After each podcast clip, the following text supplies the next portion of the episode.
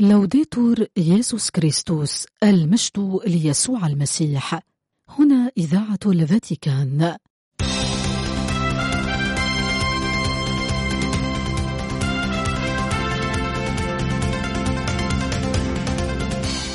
مستمعين الأحباء تحية طيبة من القسم العربي في إذاعة الفاتيكان. ننقل إليكم برنامجنا العربي اليومي حول نشاطات البابا والكرسي الرسولي وأخبار الكنيسة حول العالم. يمكنكم الاستماع إلى برامجنا والاطلاع على آخر الأنباء عبر الإنترنت على الموقع vaticannews.va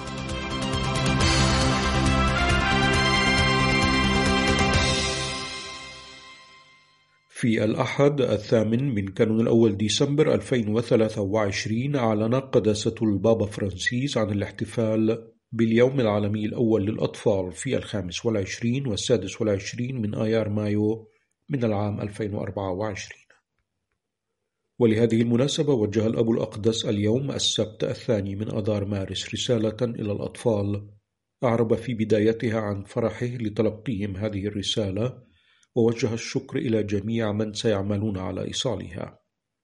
وتبع قدسته أنه يتوجه بهذه الرسالة في المقام الأول إلى كل طفل بشكل شخصي لأن كل منهم هو كريم في عيني الله كما يعلمنا الإنجيل وكما أكد يسوع مرات كثيرة. ووصل البابا فرانسيس أن رسالته هذه هي موجهة أيضا إلى الجميع لأنكم جميعا مهمون ولأنكم معا ما بين قريبين وبعيدين.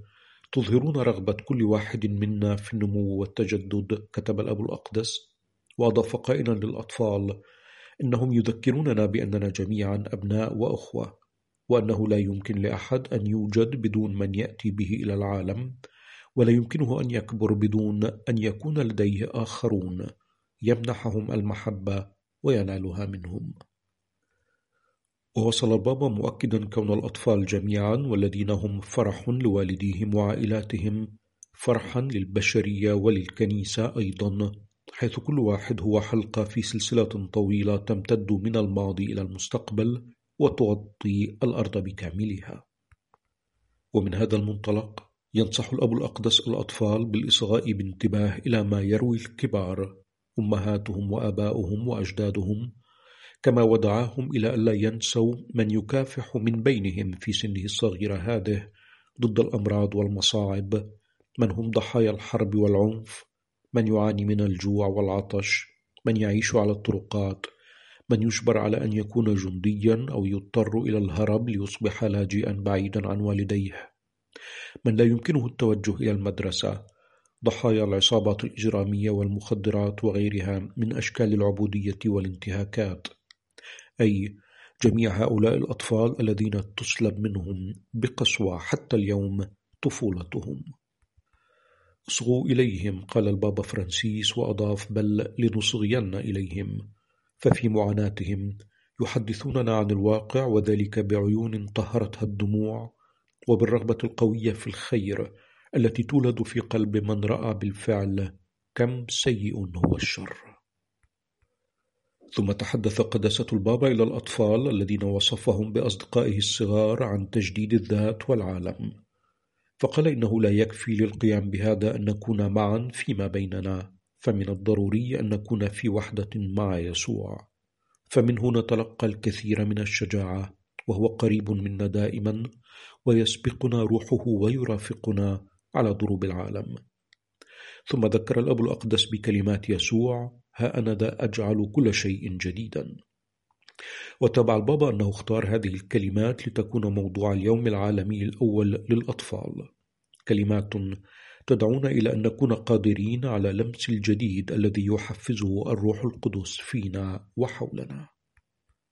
ووصل الأب الأقدس مؤكدا أن بإمكاننا مع يسوع أن نحلم بإنسانية جديدة وأن نعمل من أجل مجتمع أكثر أخوة وأكثر انتباها إلى بيتنا المشترك.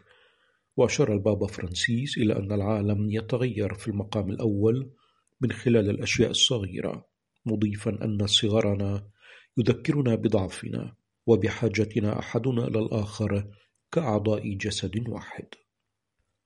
لا يمكن من جهة أخرى أن نكون سعداء بمفردنا كتب البابا فرانسيس للأطفال وذلك لأن الفرح يكبر بقدر ما نتقاسمه بالامتنان على ما نلنا وإشراك الآخرين فيه. وأضاف قداسته أنه كلما احتفظنا لأنفسنا فقط بما لدينا فإننا ننسى أن العطية الكبرى هي نحن أنفسنا أحدنا للآخر. نحن هدية الله قال البابا وأضاف أن الهبات الأخرى ضرورية ولكن لنكون معا. شدد الأب الأقدس أيضا على أن كل شيء يكون مختلفا حين نكون معا وتحدث إلى الأطفال عن جمال أن يكونوا مع أصدقائهم للعب والاستمتاع واكتشاف أشياء جديدة معا بدون ترك أحد في الخلف. وأكد أن الصداقة جميلة وأنها تكبر فقط من خلال التقاسم والمغفرة والشجاعة والإبداع. بدون خوف وبدون أحكام مسبقة.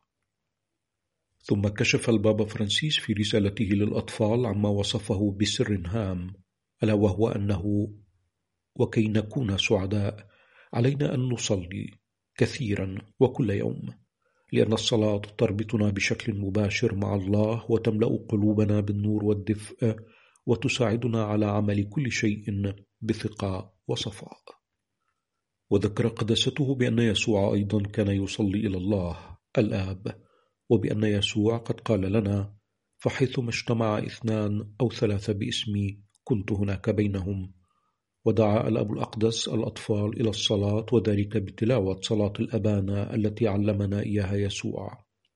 ودعا إلى تلاوة هذه الصلاة كل صباح وكل مساء وفي العائلة مع الآباء والأمهات والإخوة والأخوات والأجداد.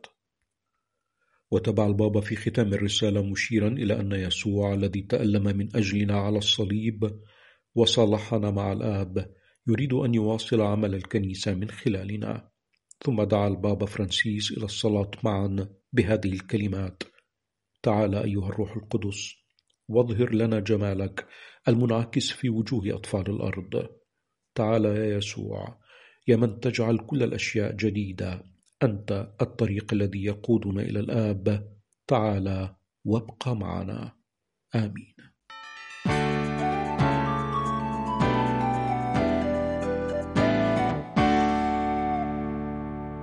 استقبل قداسة البابا فرانسيس صباح السبت أعضاء محكمة دولة حظيرة الفاتيكان بمناسبة افتتاح سنتها القضائية الخامسة والتسعين.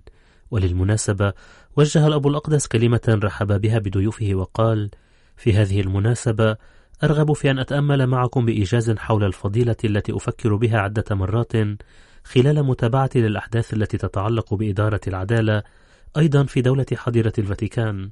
وأقصد الشجاعة. تابع البابا فرانسيس يقول بالنسبة للمسيحيين هذه الفضيلة التي في الصعوبات إذ تتحد بالثبات تضمن المثابرة في البحث عن الخير وتجعل الأشخاص قادرين على مواجهة التجارب لا تمثل فقط صفة خاصة من الروح التي تميز بعض الأشخاص الأبطال بل هي صفة تعطى وتتقوى في اللقاء مع المسيح كثمرة لعمل الروح القدس الذي يمكن لأي شخص أن يناله إذا استدعاه إن الشجاعة تحتوي على قوة متواضعة تقوم على الإيمان والقرب من الله ويتم التعبير عنها بطريقة خاصة في القدرة على التصرف بصبر ومثابرة ورفض التكييف الداخلي والخارجي الذي يعيق تحقيق الخير. هذه الشجاعة تربك الفاسدين وتضعهم إذا جاز التعبير في الزاوية لأن قلوبهم مغلقة ومتصلبة. تابع الأب الأقدس يقول حتى في المجتمعات جيدة التنظيم والتي تنظمها وتدعمها المؤسسات بشكل جيد تبقى ضرورية على الدوام الشجاعة الشخصية لمواجهة المواقف المختلفة ومن دون هذه الجرأة السليمة نحن نجازف بالسقوط في الاستسلام وينتهي بنا الأمر بالتغاضي عن العديد من الانتهاكات الصغيرة والكبيرة إن الشجاع لا يهدف إلى لفت الانتباه إلى الذات وإنما إلى التضامن مع الإخوة والأخوات الذين يحملون ثقل مخاوفهم وضعفهم. نحن نرى هذه الشجاعة بإعجاب في العديد من الرجال والنساء الذين يعيشون تجارب صعبة. لنفكر في ضحايا الحروب أو في الذين يتعرضون لانتهاكات مستمرة لحقوق الإنسان بما في ذلك العديد من المسيحيين المضطهدين. إذا أشكال الظلم هذه يمنحنا الروح القدس القوة لكي لا نستسلم ويثير فينا السخط والشجاعة. السخط إذا هذه الحقائق غير المقبولة والشجاعة لمحاولة تغييرها. أضاف الحبر الأعظم يقول أيها السيدات والسادة بهذه الشجاعة نحن مدعوون أيضا لمواجهة صعوبات الحياة اليومية في العائلة وفي المجتمع وللالتزام من أجل مستقبل أبنائنا والحفاظ على بيتنا المشترك وتحمل مسؤولياتنا المهنية. وهذا الأمر يصلح بشكل خاص للمجال الذي تعملون فيه أي مجال إدارة العدالة. في الواقع إلى جانب فضائل الحكمة والعدالة التي يجب أن تسترشد بالمحبة ومع الاعتدال الضروري تتطلب مهمة القضاء فضائل الثبات والشجاعة التي بدونها قد تبقى الحكمة عقيمة. نحن بحاجة للشجاعة للمضي قدما في التحقق بدقة من الحقيقة. متذكرين أن تحقيق العدالة هو على الدوام فعل محبة وفرصة للإصلاح الأخوي الذي يهدف إلى مساعدة الآخر على الاعتراف بخطئه. وهذا الأمر ينطبق بشكل خاص عندما تظهر سلوكيات خطيرة وفاضحة بشكل خاص وينبغي المعاقبة عليها لا سيما عندما تحدث داخل الجماعة المسيحية. تابع الأب الأقدس يقول يجب أن تتحلوا بالشجاعة أثناء التزامكم بضمان حسن سير المحاكمات وتعرضكم للانتقادات. إن قوة المؤسسات والحزم في إدارة العدالة تتجلى في هدوء الحكم واستقلال وحياد الذين يدعون إلى القضاء في مختلف مراحل العملية إن أفضل رد هو الصمت العامل والالتزام الجاد بالعمل اللذان يسمحان لمحاكمنا بإدارة العدالة بسلطة وحيادية وضمان الإجراءات القانونية الواجبة بما يتوافق مع خصوصيات نظام الفاتيكان. أضاف الحبر الأعظم يقول أخيرا هناك حاجة إلى الشجاعة لكي نطلب في الصلاة أن ينير نور الروح القدس دائما التمييز الضروري للوصول إلى نتيجة حكم عادل.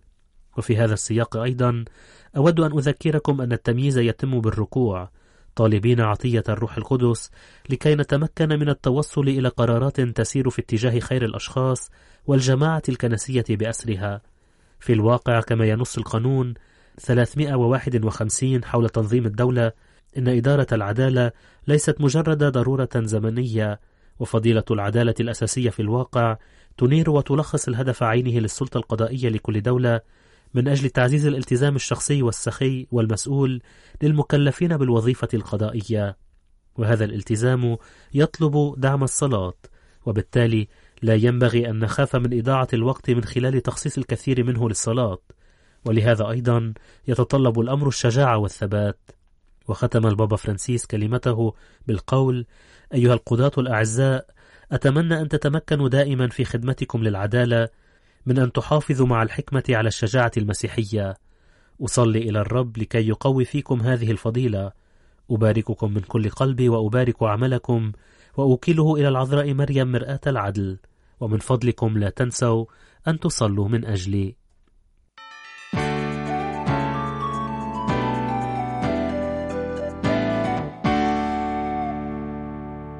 استقبل قداسة البابا فرانسيس صباح اليوم السبت في القصر الرسولي في الفاتيكان الأهالي من جمعية تاليتاكوم في فيشنسا الذين فقدوا ابنا ووجه كلمة رحب فيها بالجميع وحيا الأب إرمس رونكي الذي يرافقهم روحيا. وقال أنه يريد أولا أن ينظر إلى وجوههم ويعانق بذراعين مفتوحتين قصصهم المطبوعة بالألم ويقدم لمسة حنان لقلبهم. قلب ينزف قلب مبلل بالدموع يمزقه شعور ثقيل بالفراغ.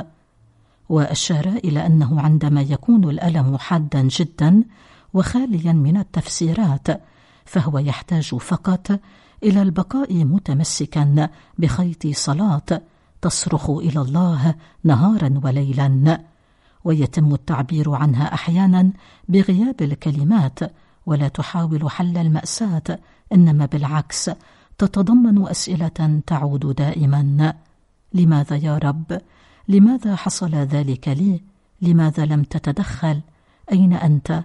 بينما البشرية تعاني وقلبي يبكي خسارة لا تعوض.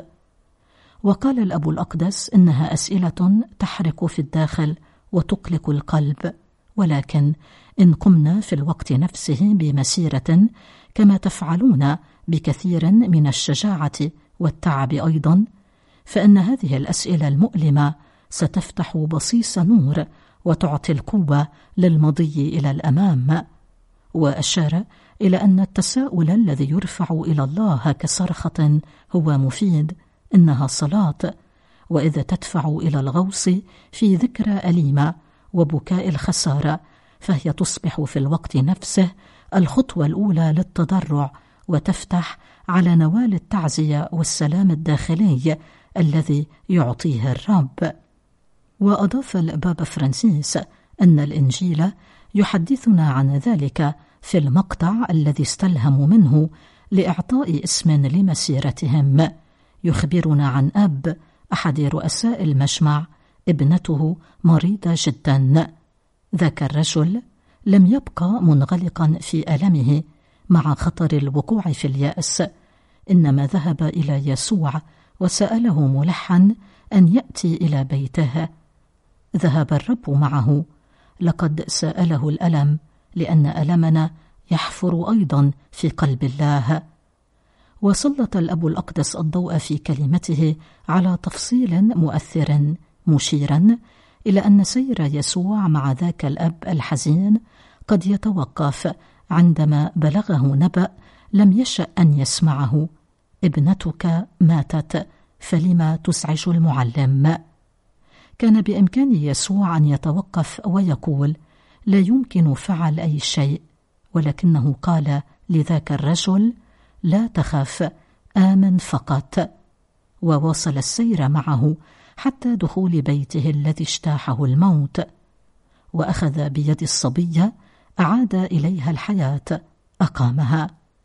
وأضاف البابا فرانسيس أن في الألم أول جواب لله ليس خطابا أو نظرية إنما السير معنا وجوده إلى جانبنا. وكما في تلك الحادثة يريد الرب أن يأتي إلى بيتنا بيت قلبنا وبيوت عائلاتنا التي زعزعها الموت. إنه يريد أن يلمس حزننا ويمسك بيدنا كي ينهضنا مجددا كما فعل مع ابنة يائيروس وتابع الأب الأقدس كلمته قائلا إن يسوع يريد أن يمسح دموعكم ويطمئنكم. ليست الكلمة الأخيرة للموت. إن الرب لا يتركنا بدون تعزية. وإذا حملتم إليه باستمرار دموعكم وأسئلتكم سيعطيكم يقينا داخليا هو ينبوع سلام. يجعلكم تنمون في اليقين أنه بحنان محبته أخذ بيد أبنائكم وقال لهم كما لتلك الصبية طليط قوم قومي. ويريد أن يمسك بيدكم أيضا لتتمكنوا بنور السر الفصحي من سماع صوته الذي يكرر لكم أيضا. قوموا لا تفقدوا الرجاء لا تطفئوا فرح الحياة. وختم قداسة البابا فرانسيس كلمته إلى الأهالي من جمعية تليتكم في فيشنسا الذين فقدوا ابنا. مؤكدا قربه منهم بالصلاة وطلب منهم ألا ينسوا أن يصلوا من أجله.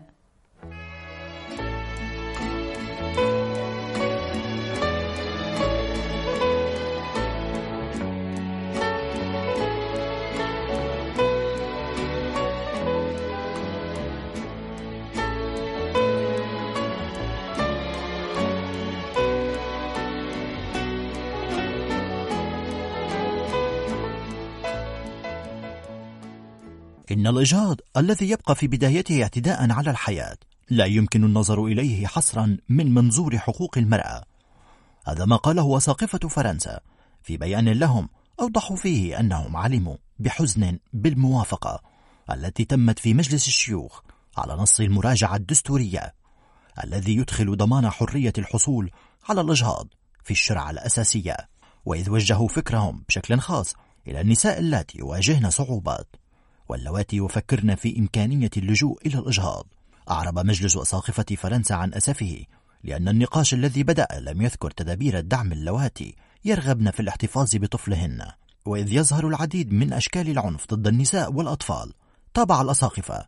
كان من الأفضل لدستور بلادنا أن يضع حماية النساء والأطفال في المحور. وبالتالي فإن مجلس أساقفة فرنسا سوف يتنبه لاحترام حرية خيار الوالدين الذين يقررون.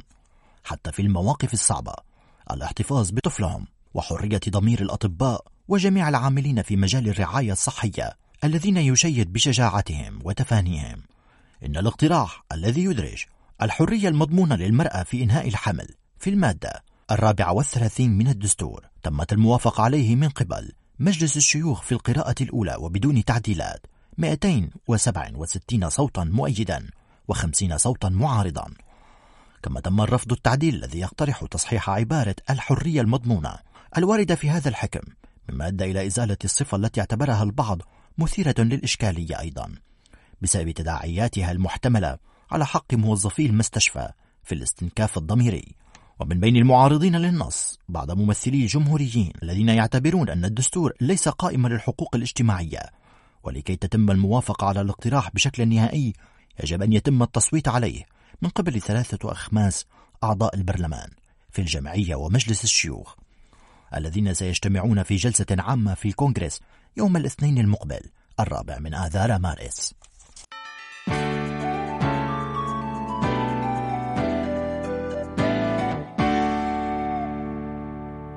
في مقابلة مع موقع فاتيكان نيوز الإلكتروني تحدث النائب العام على أبرشية بانجي في جمهورية أفريقيا الوسطى الأب ماتيو بوندوبو.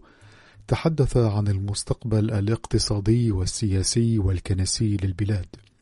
معربا عن امتنانه وفي الوقت نفسه عن قلقه حيال الاتفاقيات الحكومية بين روسيا والعديد من دول الساحل لتوفير الحبوب اللازمة من أجل دعم السكان المحليين. أتمنى أن تنعم الأمة بأكملها بالسلام وأن تظل الكنيسة حارسة للمستقبل.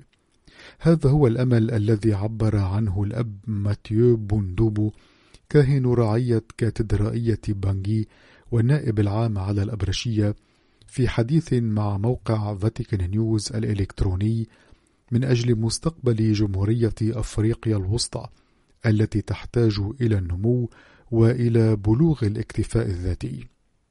رافق هذه الأمنية الامتنان من جهة والقلق من جهة أخرى بشأن الاتفاقيات الحكومية التي وقعتها بعض دول الساحل مع روسيا من أجل الحصول على الحبوب اللازمة لسد احتياجات السكان المحليين.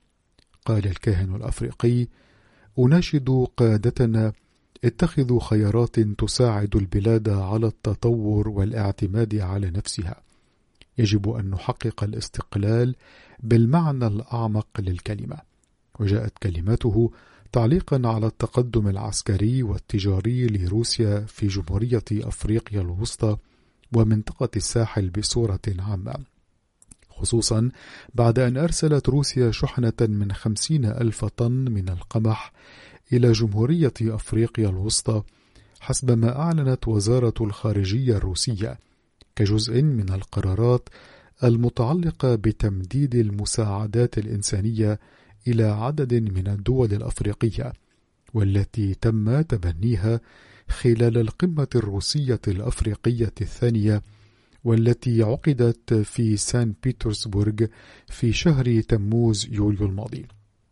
وقد أرسلت الشحنة على متن سفينتين وصلتا إلى ميناء دوالا بالكاميرون في الخامس والعشرين من كانون الثاني يناير الفائت. وقد توصلت بانجي وياوندي إلى اتفاق يقضي بطحن القمح في أراضي الكاميرون على أن ينقل لاحقا إلى جمهورية أفريقيا الوسطى. وقال بهذا الصدد الأب بوندوبو بالنسبة لبلد يخرج من حرب من الطبيعي أن يوقع على اتفاقيات تعاون مع دول أخرى لأنها تساعده على التطور. لذا فإن الحبوب الروسية هي موضع ترحيب. لكن دعونا نطرح سؤالا ماذا وراء ذلك؟ لم تخلو كلمات الأب ماتيو من الحديث عن الحرب في جمهورية أفريقيا الوسطى والتي أدت إلى نزوح جماعي قسري لآلاف الأشخاص الذين ينتظرون الآن العودة إلى بلادهم معربا عن أمله بأن يتحقق هذا الأمر في القريب العاجل. وقال أرى كيف تعمل الحكومة وبعض المنظمات غير الحكومية بشكل جيد لتسهيل عودة هؤلاء اللاجئين مؤكدا في الوقت نفسه على التزام الكنيسة في هذا المجال لصالح أولئك الذين أجبروا على مغادرة البلاد. وأضاف قائلا من الواضح أننا بحاجة إلى تهيئة الظروف للترحيب بهم وإنشاء البنى اللازمة كي يتمكنوا من إعادة إطلاق أنفسهم في الحياة الاجتماعية. على الرغم من وجود العديد من المناطق التي تعتبر غير آمنة ويصعب الذهاب إليها. ولفت إلى أنه من الأفضل أن تتم العودة حيث يكون الأمن مضمونا للغاية داعيا المؤسسات إلى العمل على دعم السلام في جميع أنحاء البلاد. وتوجه إلى مواطنيه قائلا لهم أطلب من إخوتي وأخواتي في جمهورية أفريقيا الوسطى أن يعيشوا الوحدة ولتكن الكنيسة دائما حارسا يراقب عن بعد ويشير إلى الطريق الصحيح الذي يجب اتباعه.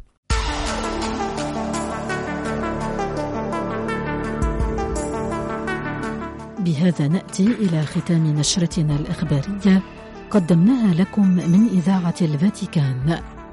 المجد ليسوع المسيح. لوديتور يسوع كريستوس